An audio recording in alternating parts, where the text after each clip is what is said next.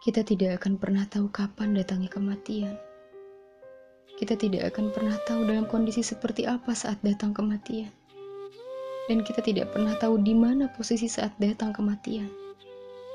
Ada sebagian yang begitu kaget dengan kematian. Karena baru saja kemarin masih bertukar cerita. Atau karena dia masih sehat walafiat. Atau karena dia masih muda. Kemudian tidak percaya dengan kabarnya. Merasa tidak kuat harus menerima semuanya. Tapi ternyata kematian tidak pernah memandang usia. Kematian tidak pernah memandang dia sakit atau sehat. Dia bisa datang kapan saja jika memang sudah saatnya. Namun yakinilah, memang begitu adanya. Kullu nafsin ikatul maut.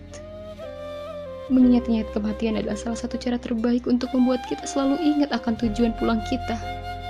Akhirat. Semoga Allah wafatkan kita di saat terbaik dalam kondisi terbaik dan tempat terbaik, menutupkan pelupuk mata kita untuk selamanya dengan husnul khotimah, untuk pulang menuju syurganya.